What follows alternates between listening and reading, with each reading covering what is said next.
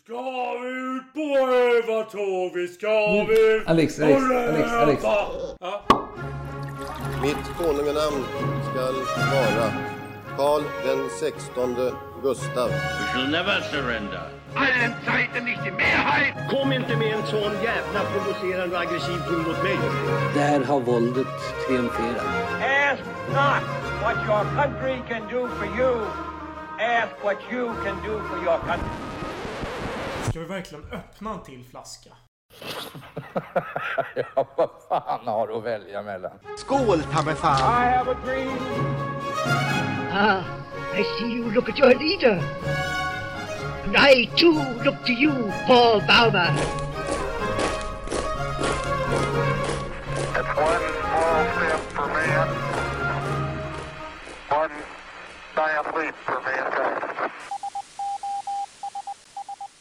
Då säger vi varmt välkomna till Salongsberusad historia avsnitt 65. Och jag vet Alex, du är väldigt, väldigt sugen på att leka den här leken Vem ska bort? Men eftersom att detta blev, alltså, om jag ska vara helt ärlig, det skulle bli ett avsnitt men det blev två avsnitt. Så du har inte hunnit förbereda dig för du har ju fått reda på att denna leken existerar samma kväll som vi spelar in detta. Helt enkelt. Så därför får det bli till kommande avsnitt. Nästa avsnitt du fortsätter leken Vem ska bort? Då jag ska sitta på den heta stolen och du ska komma med fyra alternativ. Men nu ska vi fortsätta historien om Sara Bernhards liv.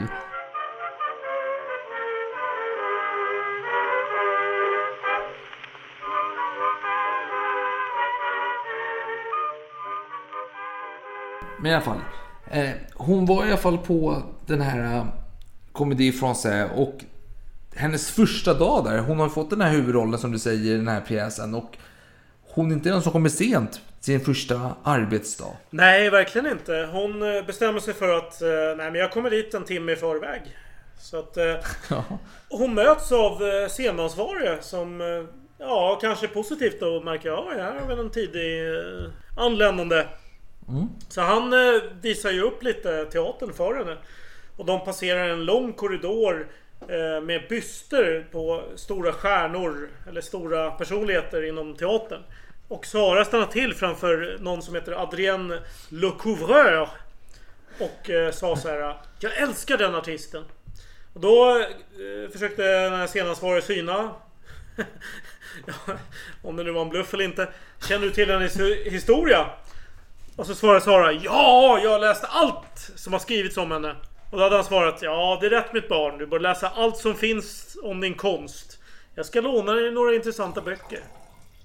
Nu tänker jag så här, det kan ju vara en bluff det hela. Att hon kanske inte hade... hon kanske inte hade någon susning om vem denna person var. Men om hon... Om hon nu hade det, för vilket vi ändå måste eh, Anta. förutsätta. Jag kollade upp lite det här Le Couvreur, för det är ingen eh, kändis i eh, 2000-tals mått mätt, får man väl ändå säga? Eller? Skulle du protestera? Nej.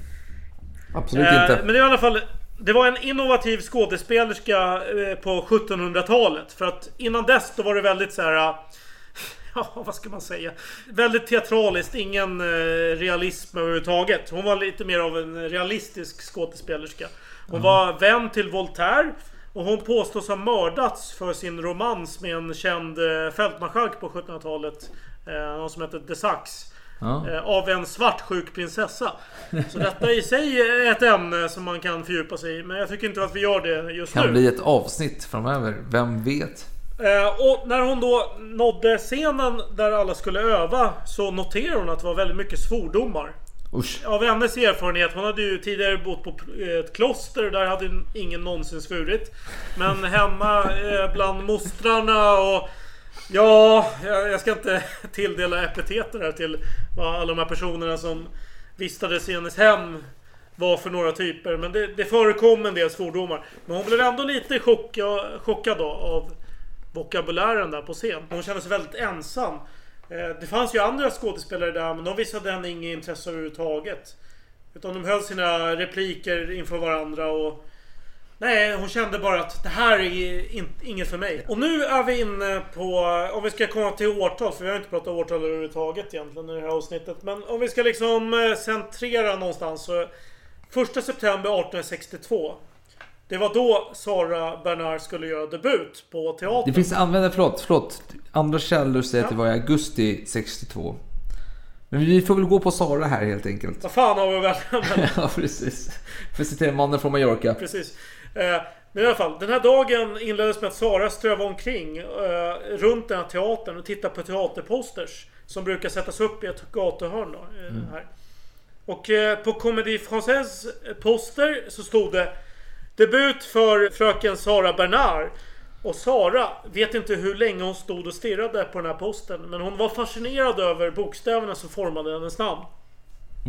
Och senare på dagen, eh, nu pratar vi klockan fem då på kvällen. Eller aftonen. Då gick hon till teatern. Och eh, omklädningsrummet som hon hade tilldelats låg på översta våningen. Hon eh, blev sminkad här och hon fick motstridiga omdömen från eh, hennes, eh, vad ska vi kalla det, sällskapsdamer eller Hushållerskor. Det var det vi sa ja. Om eh, huruvida hon var för blek eller hade för mycket färg från det här sminket. Jag ska bara framföra lite kritik mot hennes självbiografi. Det är väldigt mycket centrerat kring klädsel och hur, hur vackra olika människor är och hur hon vill kyssa dem och sådär. Ehm, det känns inte så här eh, 2021. 2021 är väl inte något så jättetrevligt år Nej, absolut men, inte. Men, Nej, men, men, inte, men- men det är kul att du tog upp detta för en av böckerna jag läste om hennes biografi. Det är någon som ironiskt skriver så här att Ja, Sara som verkar minnas varenda klänning hon har haft på sig hela sitt liv. Ja, ja, ja, ja men jag, jag delar den kritiken. Och alltså det här är väl kanske inte så 2021 av mig men det, det känns lite tjejigt att prata så mycket om sin smink och sin klädsel som Sara gör i sin självbiografi. Men nu ska vi inte fördjupa oss vid det utan vi fortsätter här. Eh, hennes mor, hon gick tydligen direkt och satte sig i publiken. Hon gick inte upp och mötte henne på nå- i något omklädningsrum eller liknande. Och eh, mostern Rosin, hon var någonstans på landet så hon var ju inte ens närvarande. Sen Nej. hade hon ju ytterligare en moster som jag inte kommer ihåg namnet på. Hon vet jag inte vad hon gjorde faktiskt vid den här tiden. Men, men, vi kan nämna att, att det är Rosin och hennes mamma som är de aktiva i hennes Aktörerna. närhet. Ja, Ja, vi får väl säga det va. Vi- jo, Ja. så är det. Och eh, Sara, eh, hon är ju väldigt mänsklig i den här situationen. Hon kallsvettas från topp till tå. Hon känner sig även svimfärdig. Hon, eh, när hon skulle gå ner nu till eh, scen så gick hon och hackade tänder. Hennes gamla lärare mötte upp henne och ville ge henne lite mod genom att påminna henne om hennes motto. Och då undrar ni säkert, vad var det för motto? Nu tar jag det här från eh, Saras självbiografi. Hon var nio år gammal. Och då hade hennes kusin utmanat henne att hoppa över ett stort dike. Och Sara hade hoppat. Det här, det var ett dike som var, ja, enligt henne själv då, det var omänskligt att lyckas hoppa över det. Det var, det var omöjligt. Såklart. Så hon, ho- ja, såklart. Så hon hoppade och hon bröt sin vrist och hon skadade sig i ansiktet bland annat. Och så bar man iväg henne. Och då hade hon ursinnigt utropat Ja! Jag skulle göra det igen. Ändå! Om någon utmanar mig igen. Och den här kvällen, då hade hennes moster eh, förbarmande över henne och frågade så här, "Men är det någonting jag kan göra för dig Sara? Och då svarar Sara, jag skulle ha skrivpapper med mitt eget motto. Såklart. Då hade hennes mor helt plötsligt lite frågvist undrat, jaha vad, vad är det för motto? Sara hade då väntat tyst med att svara. En teatralisk paus här känns det som. Och sen hade hon utropat högljutt. Ändå! Och hennes moster hajade till och uttryckte Åh, vilket fruktansvärt barn! Just att hon hade varit så högljudd får man anta. Så, att, så ändå, jag, jag, okej jag, jag är svimfärdig men ändå! Jag kommer göra det. Precis, oavsett var- så gör man, man, man gör det ändå. Oavsett. Ja. Oavsett tycker jag faktiskt var en bättre översättning. Så att jag, jag skriver under på den.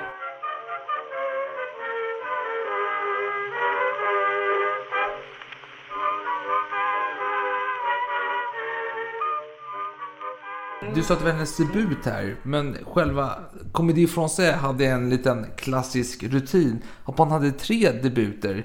Du spelade huvudrollen i tre olika pjäser som hade premiär under relativt kort tid. Alltså en tidsperiod då. Så det, denna som du berättar nu, det är Nu- nummer ett. Jag, jag, vill, Jag vill bara meddela att eh, ljudet här, tekniken är bedrövlig så jag hör knappt vad du säger. Men jag hör vad du säger och du säger att debuten är eh, i sann kristlig anda trefaldig. Ja. Och eh, det är precis så som jag har noterat det hela.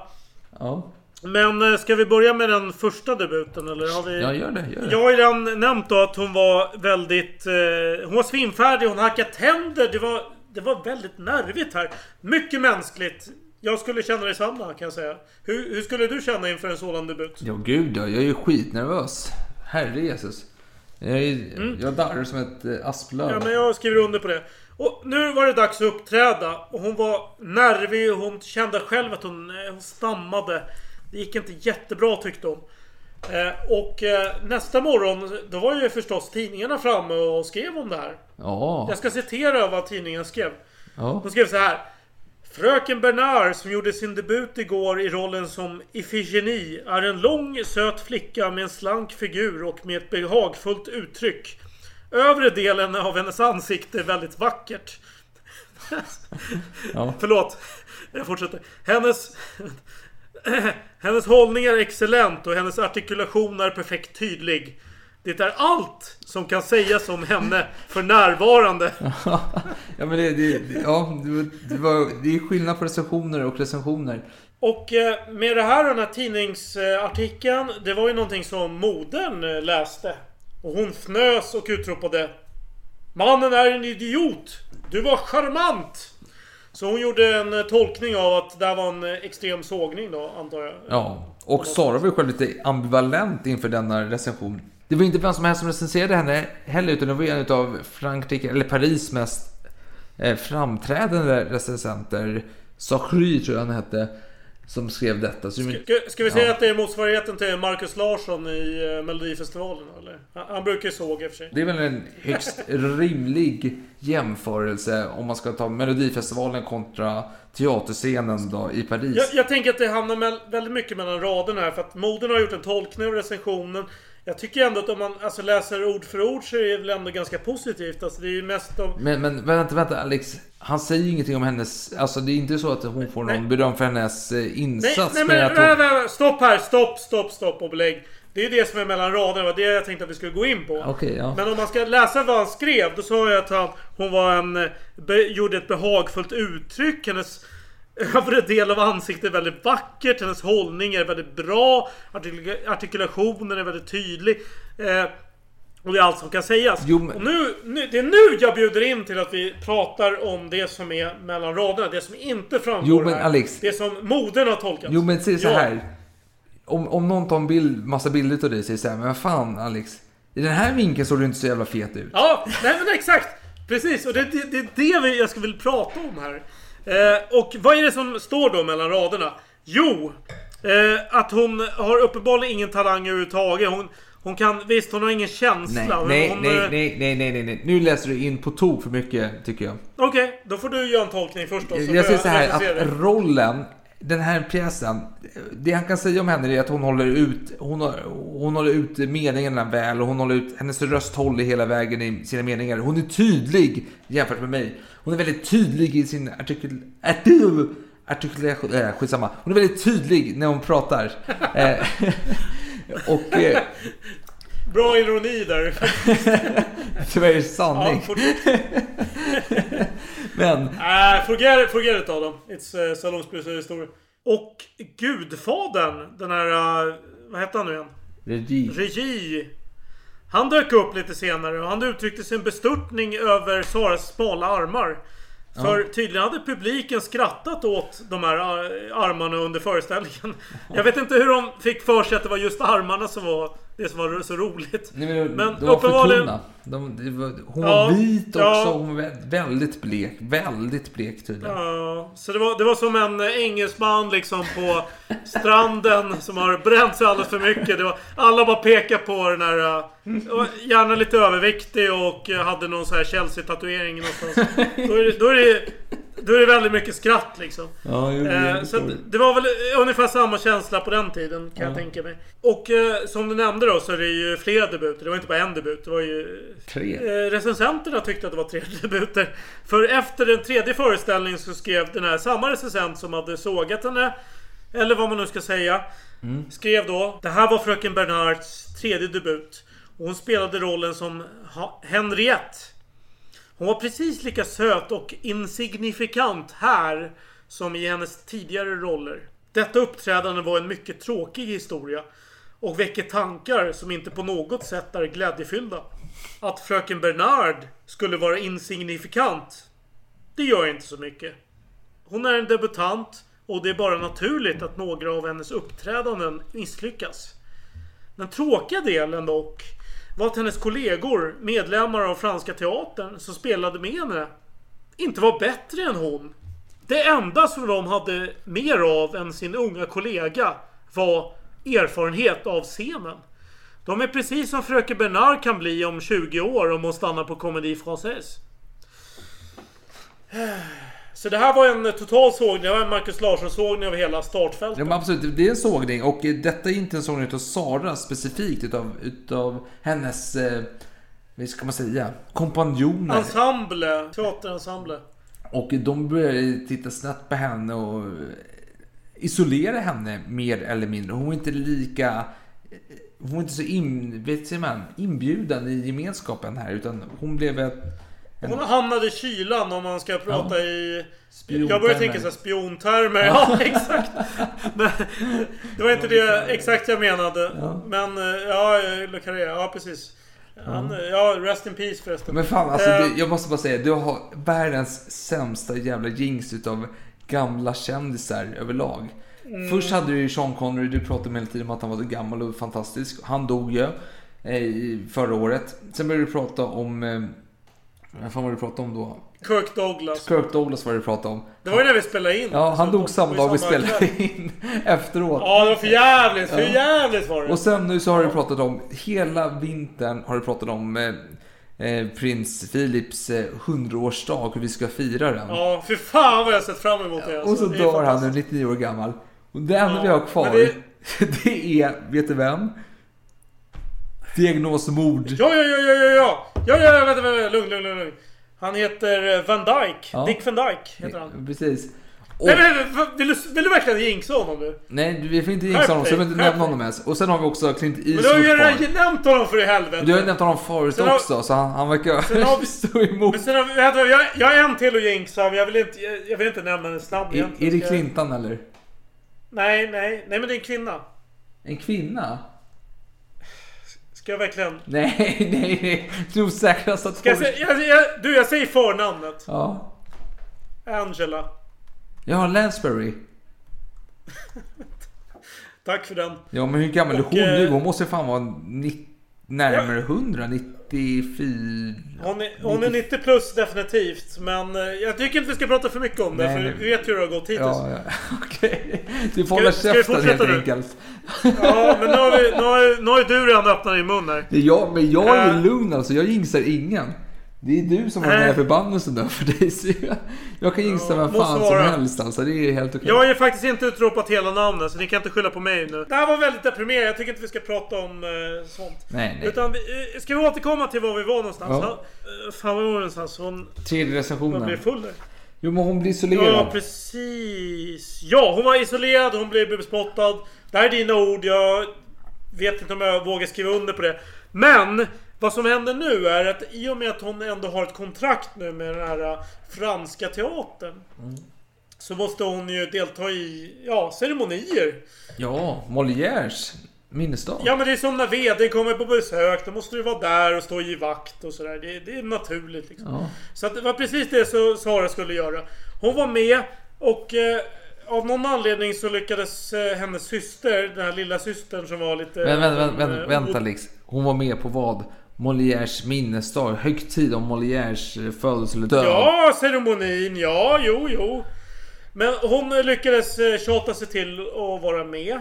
Ja. Eh, och det här är den här systern tror jag, som har ställt henne i olika bekymmer. Hon har ju misshandlat den här systern dessutom. Regine, ja precis. Precis. Ja. Här Regine är ju den som gör den här uh, jiggen eller vad fan det var. Jajven. Jive ja! Jigg är uh, fisketerm. Förlåt, jag blandar ihop begreppen. Eh, precis. Eh, hon var med här och eh, eh, av någon anledning så råkade hon trampa på någon av de här... Eh, för alla var ju utklädda. Eh. Men så här, absolut. Hennes lilla syster Regine var med. Och det man gjorde här då, på den här Molière-högtidsdagen, var att man samlades. Man gick någon processionsaktig sak fram till hans byst och la någon så här palmblad eller något jävla liknande Vi vid hans byst. Då. Och då stod de bakom Madame Nathalie då, som var någon gammal äldre skådespelerska eh, som tillhörde societeten inom den här Comédie Française-delen. Det är en speciell... Ja, jag vill bara förtydliga vad societeten, alltså hon var medlem av den franska teatern. Det var någon slags... Eh, eh ja, ja, vänta, vi ska dra en, en modern jämförelse. Det är som att du jobbar för ett företag och du kan bli eh, erbjuden att bli delägare av företaget. Du får en egen aktie, och så här. Du blir som en del av företaget. Jo. Och det var precis det som den här personen var. Och det var ju inte Sara Bernard. Hon var ju bara en debutant. Hon var inte målet, delägare. målet var att efter en tid som skådespelerska på, eh, hos teatern så fick du den här, den här societetsrollen då. Och då blev du, fick du en eh, årlig pension utav teatern som du kunde leva på ganska hyggligt fram till sin död. Då. Och eh, den Madame Nathalie då, hon var en hemsk person, en relativt hatad person inom teatern enligt Sara. Och eh, Saras syster Regina råkade trampa på den här Nathalies, eh, vad kan man säga, hennes direktsläp. eller någonting. Nå- någonting som släpade. Eh, för de var ju utklädda då i klassisk klädsel. Och Nathalie vände sig om, för hon försökte gå men det var, hon fick motstånd. Så hon vände sig om och råkade knuffa, eller ja, hon knuffade till Saras syster in, in en eh, marmorpelare. Och Sara tittade på sin syster och såg att fan hon blödde från ansiktet. Vad, vad händer? Så Sara knackar på den här Nathalies eh, axel och Nathalie vänder sig om och Sara smäller till henne i ansiktet och flyger på Mm. Men jag vill bara säga att nu får du att framställas som väldigt rationellt här av Sara Bernard. Men hon ser att hennes syster blir blodig och hon fylls av raseri. Hon är en väldigt känslomässig person här. Hon, alltså, Jo, men vad fan, det här det fylls liksom- med raseri. Det, är inte så att det tar tre, eh, tre minuter att hon fylls med raseri. Det, detta sker direkt anslutning. Jag skulle säga att det inte är så rationellt, det är mer instinkt. Hon får, hon får en känsloutbrott. Det jag känner är att det här med kort stubin inte framgick ri- riktigt av din anekdot. Men vadå? Men hon, nu- hon blev arg. Men det, vadå inte framgick? Det är väl väldigt självklart. Om jag skulle gå på Du stan med dig och någon skulle slå till dig på käften. Jag skulle inte hoppa på den personen. Jag skulle tänka oj, nu blev Alex nedslagen. Vad tråkigt. Jag skulle inte bli rasig där. Hade jag haft kort stubin, då hade jag blivit rasig och hoppat på den personen. Det säger sig självt. Men, jo, jo, men det här med kort stubin tycker jag inte framgick riktigt. Nej okej, Nu du tyckte inte det. Men jag tycker det var väldigt tydligt. Okej, skitsamma. I alla fall. Hennes korta stubin gjorde att hon smällde till Nathalie. Och eh, själva eh, församlingen då delades upp i två grupperingar. En som tyckte synd om eh, Saras syster Regine. Och en annan som tyckte synd om denna Nathalie. Och Sara tyckte att, då att de som tyckte synd om Nathalie, det var de här stela människorna. Medan de eh, varma människorna tyckte synd om hennes syster då. Och dagen därpå så blev hon kallad till chefen för- teatern och som sa så här, men du måste be om ursäkt till Nathalie inför tre stycken societetsdamer på teatern då. Får jag, får jag flika in att hon höll ju väldigt mycket tyst om det här inför sina... Jo, alltså sin eh, mamma mamma, och så. och moster och så vidare. Ja, ja, absolut. de visste ingenting om det här. Nej, nej, förutom att systern kom hem med ett jävla sår i ansiktet och berättade allting som hade hänt och överdrev allting också dessutom. Men absolut, jag har en poäng i det att Sara berättade ingenting själv om detta. Men i alla fall. eh, Och då sa eh, här chefen, eller rektorn för skol, eh, teatern att men jag, jag går och hämtar Nathalie så får du prata med henne. Och Sara blev rasande och sa nej absolut inte. Jag kommer inte be om ursäkt för henne. Jag vägrar, jag vägrar, jag vägrar. Och han sa så här, men du får sparken annars. Och bara, nej jag vägrar, jag vägrar. Jag kommer inte be om ursäkt. Och han börjar prata så här, smör lite för henne liksom. Eh, och Pratar runt situationen och Sara börjar mjukna och så vidare och så vidare. Alltså han gav ju en argument för att det, det här är en dum idé. Du är väldigt Ja. eh, impulsiv. Ja, precis. Och hon bara, ja, nej, ja, och hon börjar ge med sig lite. Och han bara, okej men jättebra. Vet, vänta, sitt kvar där och, eh, och, och snyter din handduk här, eller vet du, näsduk. Och så, då kommer jag, jag ska bara gå ut ett tag och hämta Nathalie här. Och då blir Sara rasande igen. Hon vill inte, hon vill inte. Och, och han, han säger så här, okej, okej, vi avbryter detta, vi, vi går vidare i livet. För att förkorta denna sekvens lite, så kan man säga så här att eh, Sara blir utan roller ett tag framöver. Hon har ingen roll överhuvudtaget. Och helt plötsligt får hon en roll. Och i en relativt dålig pjäs dessutom, men hon får ändå en huvudroll. Och när hon håller på att repetera för den här rollen så sitter, ska hon gå upp i korridorerna och så möter hon den här Nathalie då, Madame Nathalie. Och hon funderar, ska jag gå förbi henne eller ska jag vända om och gå bakåt? Och Nathalie säger så här, det är ingen fara, gå förbi mig, jag har fått min hämnd mot dig.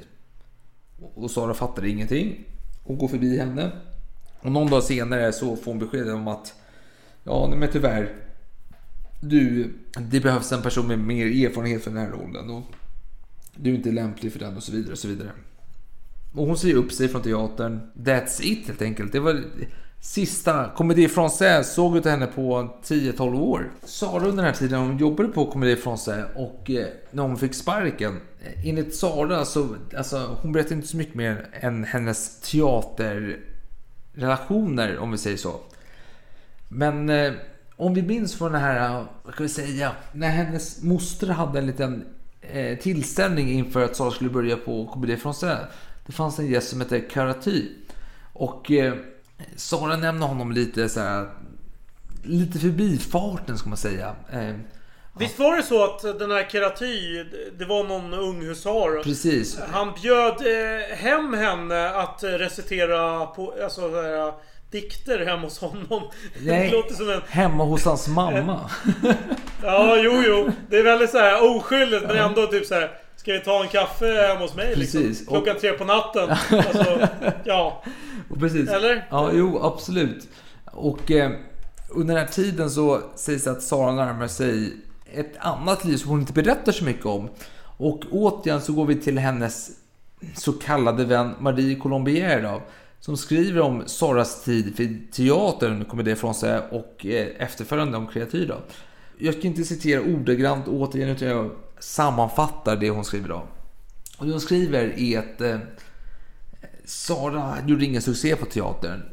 Och hon var för stolt för att låtas förföras utav recensenterna och därmed få bra recensioner och då lyftas och gå vidare i sin karriär. Och eh, eftersom hon inte gjorde detta så hade hon inte någon vidare karriär inom komedi från Det gick inte vägen. Och eh, då hade hon inte heller någon som uppvaktade henne. Och hennes mamma tjatade på att hon hade varit på den här eh, teatern så länge och utan hade gjort några framsteg. Så, vad, vad, vad var syftet med detta liksom? Vad, vad håller du på med liksom? Och hennes moster kom och sa så här, jo men vet du vad, vet du vad? Eh, du kan inte bara gå och ta någon på gatan hur som helst liksom, utan eh, jag, ska, jag och din mor ska på en tillställning, en teaterföreställning. Och där kommer det finnas massa, massa män. Och om du inte lyckas hitta någon man där, då är du ju totalt värdelös. Så Sara följde med. Alltså, ja, förlåt. nej, det är rolig iakttagelse. Alltså, jag tänker så här i modern tid. Ja okej, du, har- okej, du spelar skådespelare i Dramaten men eh, fan du är ju inte liksom den största stjärnan på Dramaten. Så därför är du värdelös. Och du, vad fan, du borde hitta en man liksom. Alltså det är verkligen så här Väldigt hög ribba här måste jag säga. Ja, absolut, Ganska orimligt absolut. hög. Och när hon gick på den här teaterföreställningen, hon satt inte som den där teaterapan och tittade på scenen, utan hon, hon gjorde som sin mamma brukade göra då. Hon satt med en sån här kikare, operakikare och tittade på alla män i salongen då. Och folk som eh, tittade upp på henne också dessutom. Och till slut fick hon syn på en väldigt attraktiv man. Och den här mannen tittar tillbaka på henne och hon blir bli lite, rodnar lite lätt då. Och på vägen hem så följde den här mannen efter dem. Eh, Sara och hennes mamma och moster då. Fast på ett behagligt avstånd. Han gick ju, säg 10 meter bakom hela tiden. Eh, och på, till slut så... Bra stalkeravstånd. Ja, precis. Och eh, när de kom hem till Saras mamma så gick Saras mamma och moster in då, Rosin då, gick in i deras våning och lämnade Sara utanför. Så Sara kunde samtala med denna man, vilket hon gjorde. Och efteråt kom eh, Sara in och eh, mostern gick fram då till henne och sa så här. Ja, vad hände? Vad, hur gick det liksom? Och Sara var lite bekymrad och då förklarade Sara att den här mannen hade berättat lite saker och att han hade skickat iväg sin eh, vagn och han skulle promenera en bit och han skulle plocka upp honom senare och så vidare. Och så vidare. Lite Mr. Sex and the City och Mr. Big där, det är den känslan man får här. Eh, men hon hade ett problem för det fanns en äldre man som var betydligt rikare än denna yngre man som hade förföljt dem som hon fann attraktiv. Och vem ska hon då välja? Och mostern sa så här, "Men, ja i din ålder så hade jag valt den mer attraktiva mannen. Man börjar där liksom. Vilket Sara gjorde då. Och denna attraktiva man var ju den här kreatyren som hade, hon hade träffat enligt sig själv då på den här tillställningen som hennes moster hade. Eh, Mm, ja, då bör- vi har en unghusaren Ja, där på precis. den det, det var lite, den här var lite en annan historia om hur de träffades då, helt enkelt. Och eh, de började umgås och när Marie då, hon skriver då att eh, Sara var helt inkapabel att älska. Och så, ju mer Kretus passionerade omfamningar eh, runt Ja. Sara, det, alltså mer intensiva de blev. Du menar att de, de gav varandra kramar och det blev mer och mer intensiva? Är, är det det du försöker Alltså säga? passionerade omfamningar får du tolka hur du vill. Men det hon säger är att när de hade haft sex, allt var klart. Så började den här kreatyren reta henne, Sara, lite lätt om att hon hade så billiga kläder och att han kunde se till att hon fick lite bättre kläder. Och ja, varför inte skulle hon, han kunna köpa henne lite saker och så vidare. Och eh, att Sara då fick honom att kämpa för att övertala henne om att han skulle kunna eh, ge henne lite pengar då och eh, se till vad henne till nytta i framtiden. Så, Förlåt, försöker han säga att han vill bli hennes sugar daddy? Ja, ja, mer eller mindre. Så han ger henne lite pengar och Sara tar pengarna och går hem. Och när hon kommer hem så hon, lägger hon dem på bordet eh, och säger till sin mamma Hoppas du inte besvärar mig mer i framtiden. Så gick hon in på sitt rum då. Helt enkelt. Så det är en annan historia om hur hennes tid var här helt enkelt. Eh, Men tre veckor efter i alla fall ungefär att hon har fått sparken från den här komedifrån så, eh, Ja, va, va, va. Fick hon sparken? Vänta, Ja. har vi verkligen kommit så långt? ja, vi har gjort Nu, nu det. känner jag mig som Gustav III här Ja, det, vi har kommit så långt. Har det verkligen hänt? Har det verkligen det hänt? har hänt, jag garanterar dig. Du, Okej, du är för berusad där. Hon har fått sparken? Ja. Ja, jag, jag känner det. Att jag missar någonting. Jo, precis. Men hon går runt och vankar sig med hennes mamma är orolig för hennes gudfar då har ju- i Redi har inte kommit som han brukar varje dag på lunch. Och helt plötsligt dyker han upp och säger så här, "Men vet du vad? Vet du vad Sara? Du har fått en, ett jobb på ett annan teater, Gymnasiet. Men eh, om jag ska göra en tolkning av det som hände. Var att när eh, hennes närmsta familj, det vill säga gudfadern och, modern, fick veta att hon hade fått sparken. Då började de hitta alternativ här för eh, Sara. För att eh, syftet var ju att Sara skulle försörja inte bara sig själv utan även modern i framtiden. Ja, Då absolut. hade den här gudfadern hittat, han hade ju en kontakt då, eh, någon slags teaterägare som hade på nåder kunnat gå med på att Sara skulle ingå i ensemblen och hade sagt att hon hade till och med, han hade till och med skrivit i ett brev att Ja, hon verkar ha ett jävla temperament men eh, ja, för din skull så kan vi godkänna henne. Och det roliga var att gudfadern hade gett det här brevet direkt till eh, Sara. Som kunde läsa det här. Och hon förebrådde ju då gudfadern att vad fan, varför gav han mig brevet direkt? Nu fick jag ju läsa att, att de tyckte att jag var en jävla känslo... Alltså så här galning liksom. Precis. Eh, han, hade ju bara, han hade ju bara kunnat säga att nu har du fått ett jobb här. Ja. Men nu gjorde han inte det. Han gav mig brevet där, han kunde, där jag kunde läsa de här eh, negativa... Precis. Men, men, sakerna. men det grejen var att på den här uh, nya teatern, Gymnasiet, vad fan den hette. Då var hon inhoppare. Och det var ju en prestigelös arbets eller anställning så att säga. Hon kunde sitta och Ja. ta del och lära sig yrkets Ja, alla... eh, förlåt. Ja. Jag vill, jag vill använda termen, för det här är någonting som förekommer än idag. Att till exempel i Fantomen på Operan, då har du alltid en understudy för Fantomen. Ja. Och det var ju precis det som Sara Bernard blev. För en, eh, en annan skådespelerska som var lite mer meriterad än vad hon var.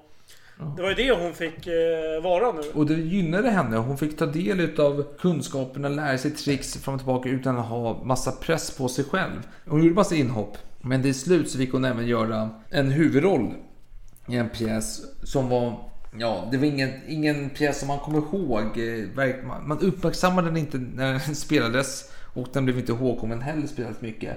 Men det som var att det var en töntig roll. Hon spelade någon rysk eh, drottning eller prinsessan och sånt där. Och hennes mamma eh, hånar henne efteråt och Sara kände att hon ville ta livet av sig. Hon var missnöjd. Och Sara beskriver då själv att det finns en, en sekvens efter detta då. då hon, Det är skönt att du är så nonchalant bara, hon vill ta livet av sig. Som att det vore en naturlig reaktion för att det var en dålig roll. Jo, nej, men, Ja. jo, men hon hade självmordstankar tydligen, enligt sig själv då. Eh, och det hade hon säkert, jag, jag ifrågasätter inte det. Men hon gick ner till sin Nej, nej, eh, nej. hushållerska och en kväll och sa så här. Jag behöver lite det här um, smärtstillande medlet. Precis! Du, förlåt! Uh. Jag, jag, kollade upp det där smärtstillande medlet. Det var ju opium faktiskt. Jaha. Det var en typ av opium som hon bad den här hushållerskan om. Precis, och hushållerskan insåg då helt plötsligt efter ett tag sen, vänta du försöker ta livet av dig. Och Sara sa så här, du, du, du, svär på dina barn att du inte berättar detta för någon. För då lovar jag att jag inte kommer ta livet av mig. Eh och det lovade den här barnflickan då. Och så sa Sara så här, okej bra, då åker jag till Spanien på en resa. Och jag misstänker att vi kommer återkomma till Spanien eh, detta, i nästa avsnitt, för detta var år 1864. Men jag bara tänkte ta en liten historia om hennes eh, barn. För hon, 64 i december får hon sin son. Hon nämner inte sin son förrän eh, han är fyra år i sin biografi. Men hon nämner inte ens vem fadern är heller. Eh, och när hon är känd så drar man till massa olika namn. Ja, det kanske är Victor Hugo och så vidare, och så vidare, och så vidare, och så vidare. Och vilka personer hon inte kände vid den här tiden. Men det finns ju så här att hon har ett barnbarn då. Alltså hennes sons dotter. Eh, som skriver en biografi om henne på 40-talet. Och hon var ihop med en man. Eh, som, den här mannen som var tvärnit och sa det här. Gifte sig med hennes barnbarn år 1921. Och han skilde sig från hennes eh, barnbarn strax efter att Sara hade dött 1923. Vilket får folk att misstänka att han endast gifte sig med barnbarnet på grund av Sara helt enkelt. Är extrema konspirationsteorier. Jo men ändå, årtalen stämmer ju om vi säger så.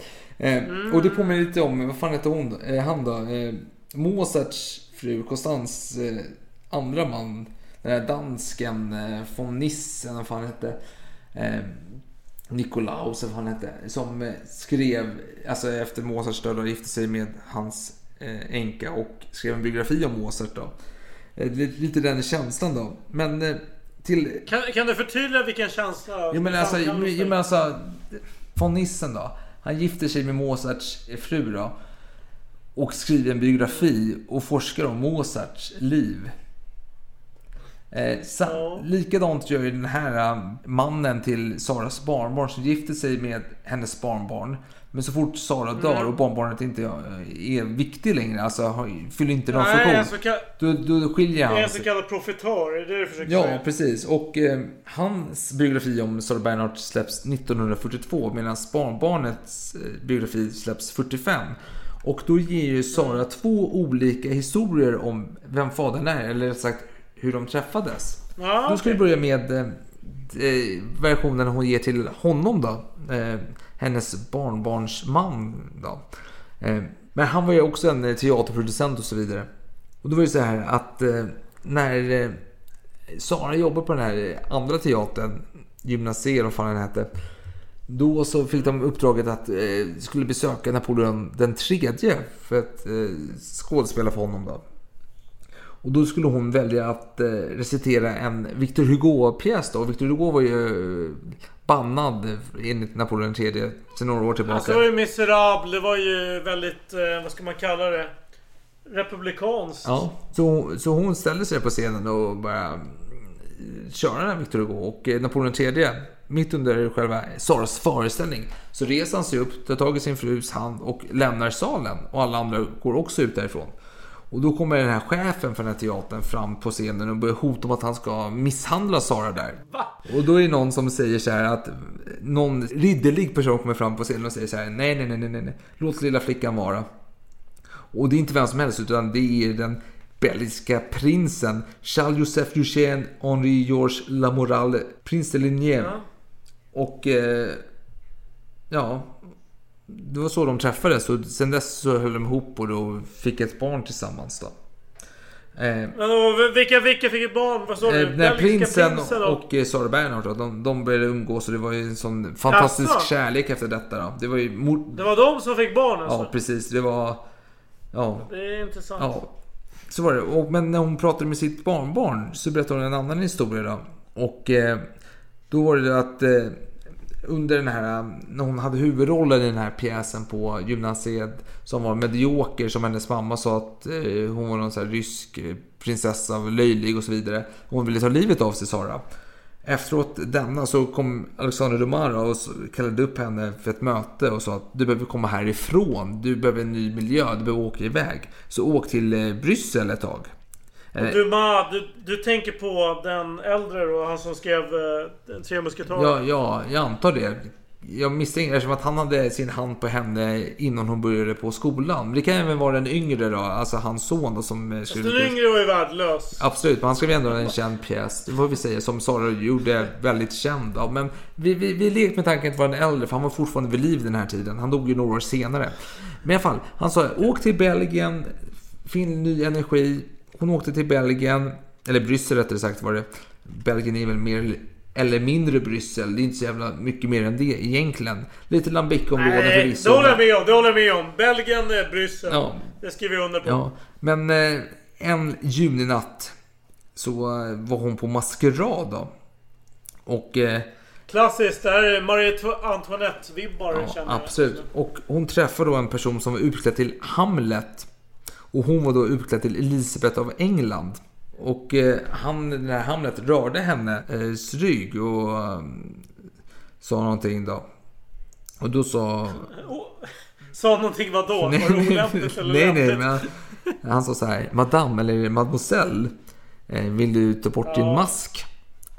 Mademoiselle låter ju rimligare för Madame är lite olämpligt för då antar man att kvinnan är gift. Ja, men det var det han ville veta liksom. Han ser ingen ring på fingret eh, utan, och, och är utklädd. Då säger hon så här, varför? Då är det rimligt att säga Mademoiselle Jo men han frågar, man är det madame ring- eller mademoiselle? Han vill ju veta liksom om han ska fortsätta eller ska backa undan. Ja, ja, det är bra att du förtydligar det. Ja, och då säger hon så här, vad, Jag tror att va? till och med nyktra lyssnare än vad jag är, som inte är lyssnare, kan undra. Så, så fortsätt. Du frågar hon Alltså jag dricker GV bubbel här, ge mig lite slack för fan. Fortsätt du för fan. Ja, då frågar hon ungefär så här, varför då monsieur? Då sa han så här, för att ge mig tillfredsställelse. Och då svarade hon så här, men varför ska jag ge dig tillfredsställelse? Och eh, då tar ju Hamlet, Say what? Nej tolka förlåt, inte för mycket Alex, tolka inte för mycket. Nej jag ska, jag, jag ska försöka Ja, och då tar han tag i hennes arm och eh, försöker kyssa henne. Franskt. Och hon slår till honom lite så här, en liten klassisk örfil då. Då säger hon så här. Åh, Monsieur Hamlet, ta inga friheter med mig.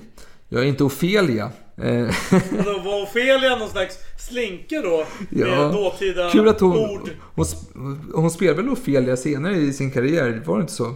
När hon var i Köpenhamn, jag får mig att hon var, spelade Ofelia. Skitsamma. Ja. Och då säger jag till henne så här. då. Eh, Prinsen av Danmark ber ödmjukt om drottningens eh, benådning.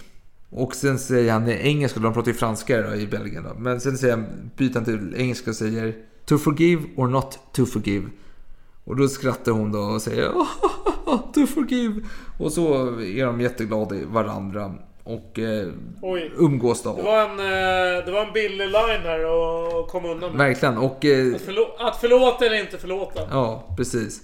Och eh, denna historia styrks faktiskt utav ett brev eh, från Monsieur Bruce till Alexandre Dumas.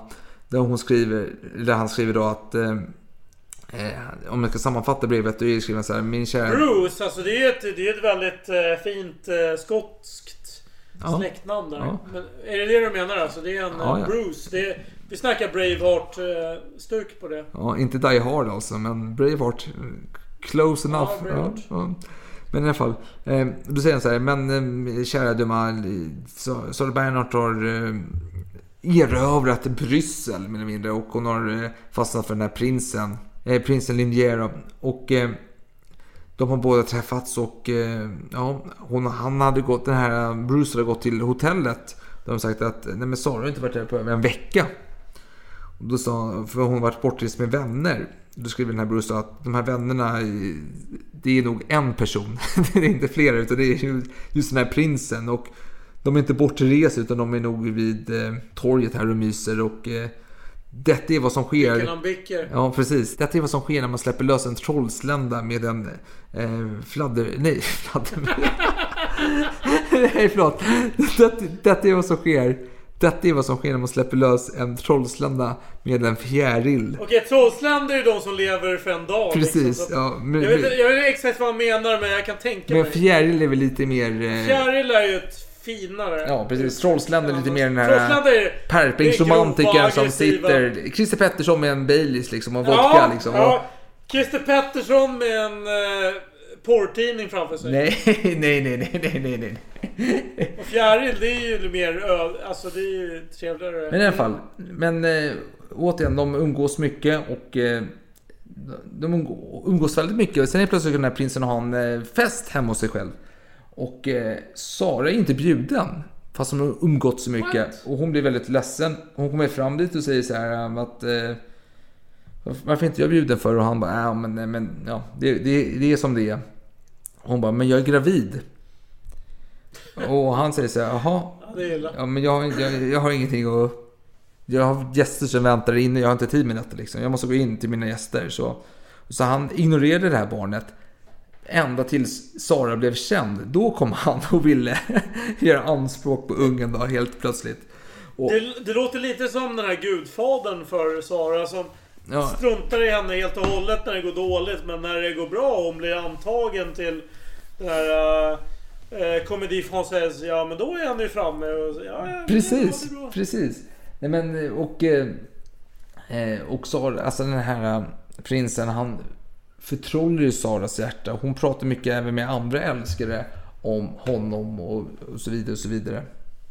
Men hon är stenhård när han vill komma tillbaka och eh, ta del i hennes liv. Då vägrar hon när hon har blivit känd. Man, man får ju ändå säga att hon är väldigt, eh, vad ska man kalla det? Tänk, alltså liberal, kan man, kan man använda den termen? Hon tar ju väldigt självständiga beslut om allting egentligen. Mm. Även om det kanske utåt sett inte gagnar henne att ta ett visst beslut så gör hon det ändå. Absolut, absolut. Men vet du vad Alex? Jag tror det är dags att avsluta här och så får vi fortsätta i, och prata om hennes karriär i framtida avsnitt. Eh, vi finns på Facebook, eh, Instagram. Varit lite dåligt med inlägg på Instagram senaste tiden. Vi, vi, vet, vi vet om det, vi ska kämpa på det. Alex jobbar extra hårt. Jag, jag vill bara säga så här, jag har inte hört ett enda klagomål på att vi är inaktiva. Nej, Så jag skulle säga, jag ska dementera den uppgiften. Men vet du vad, man har ju en arbetsmoral Alex. Även du borde ju ha det. Jag vet att det är svårt när man är programmerare. Man jobbar i någon sån här sfär där man inte behöver ett skit. Man bara går och äter lunch subventionerat varje dag och sitter och pillar på någon dator lite och kör någon sån här automatisk uppdatering och kollar på Netflix. Ja, nej, jag, jag vet inte. Vilken, vilken, vilken, eh, Ja. vilken skymf. Men skål till med fan så hörs vi om två veckor. Skål för! Ja, för fan, skål!